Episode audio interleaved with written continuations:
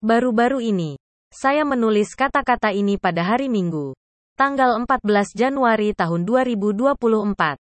Saya mengisi survei Universitas Haifa yang membahas tentang kondisi orang yang mengalami cedera mental di atas usia 50.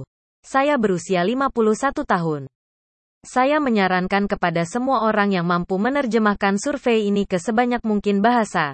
Survei ini ditulis dalam bahasa Ibrani dan membantu mendistribusikannya ke setiap orang yang memungkinkan. Platform untuk meningkatkan kesadaran masyarakat akan kesulitan unik yang dihadapi kelompok populasi ini. Salam, Asaf Benyamini.